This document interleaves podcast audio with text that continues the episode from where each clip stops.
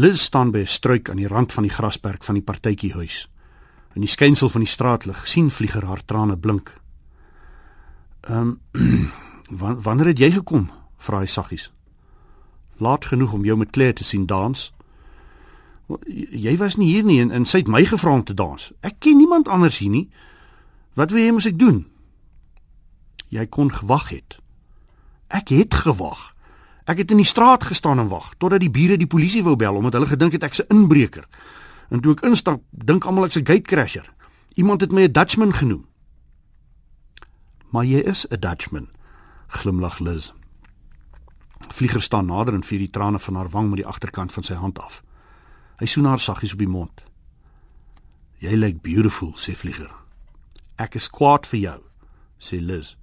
Maar Vlieger kan hoor dat sy dit nie bedoel nie. Ek het jou gemis. Ek ook.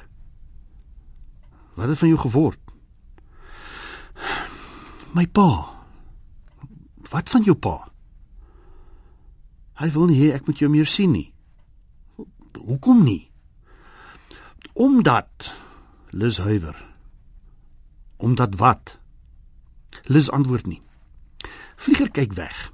Hy weet wat die antwoord is. Hy onthou ontstel sy ouers was toe hy hulle vertel het Liz is Portugees. Maar maar jou ma is dan self half Afrikaans. Liz sê niks nie.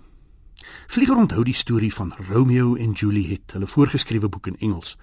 Twee mense wat mekaar liefhet ten spyte van hulle ouers se teenstand. Aan die einde van die storie drink Romeo gif en steek Juliet haarself met 'n mes. Toe hy dit lees, het Vlieger gewonder of hy ooit sal gif drink vir 'n meisie. Nou wonder hy nie meer nie. Hy hou baie van Liz, maar gif is 'n bietjie erg. En hy dink ook nie sy is die soort van meisie wat 'n mes by haar sal dra nie.